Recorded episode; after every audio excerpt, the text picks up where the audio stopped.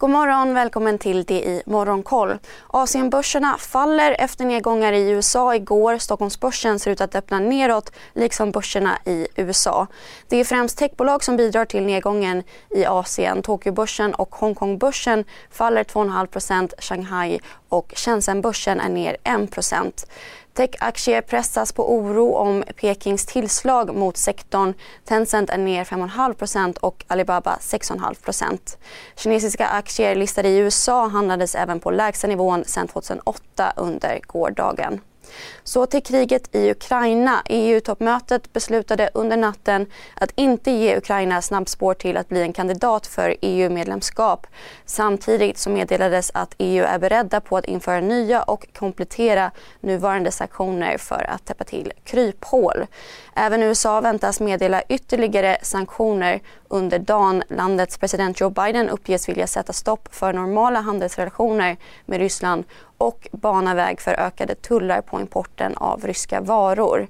Invasionen gör även att Goldman Sachs drar ner sin tillväxtprognos för USA på grund av stigande råvarupriser som de spår kommer slå mot konsumtionen. Och IMF väntas sänka prognosen för den globala tillväxten på grund av den ryska invasionen men en recession väntas inte.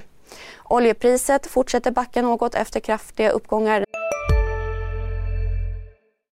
I de sekunderna när jag är i luften så är det en kamp på liv och död. I Spotlights serie Vinnarskallarna minns stjärnorna själva de dramatiska svenska sportögonblicken. Hör Anja Persson berätta om när hon kraschade i OS-backen men reste sig igen. Jag ville vinna över berget. Vinnarskallarna. Nytt avsnitt varje fredag. Sök efter podden Spotlight den senaste tiden på besked om potentiellt utökat utbud från OPEC+. Ett fat bränt handlas nu för 109 dollar fatet. I USA så stängde börserna på Wall Street nedåt efter ny inflationsstatistik igår. S&P 500 var ner 0,4% vid stängning och tekniktunga Nasdaq 1% Bland enskilda bolag så tappade mjukvarubolaget Oracles drygt 5% i den amerikanska efterhandeln efter att ha redovisat ett justerat kvartalsresultat under förväntan. Och Amazon gick åt motsatt håll på Wall Street och steg drygt 5% efter beskedet om ett återköpsprogram och en aktiesplit. Inflationen i USA landade på 7,9% i februari, högsta siffran på 40 år och en räntehöjning om 25 punkter väntas nästa vecka.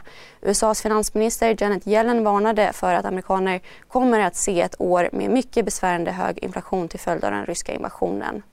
Under natten har Australiens centralbankschef Philip Lowe varnat landets låntagare att de bör förbereda sig för högre räntor i år. Lowe noterade att de inte höjt räntan sedan 2010 och att många därmed inte varit med om en åtstramning. På agendan idag så ser vi fram emot BNP-siffror från Storbritannien och USAs Michigan Index som mäter konsumentförtroende. Missa inte heller Börsmorgon 8.45.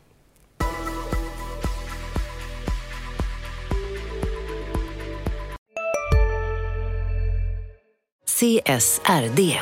Ännu en förkortning som väcker känslor hos företagare. Men lugn, våra rådgivare här på PWC har koll på det som din verksamhet berörs av. Från hållbarhetslösningar och nya regelverk till affärsutveckling och ansvarsfulla AI-strategier. Välkommen till PWC. Hej, Synoptik här. Så här års är det extra viktigt att du skyddar dina ögon mot solens skadliga strålar. Därför får du just nu 50% på ett par solglasögon i din styrka när du köper glasögon hos oss på Synoptik. Boka tid och läs mer på synoptik.se. Välkommen!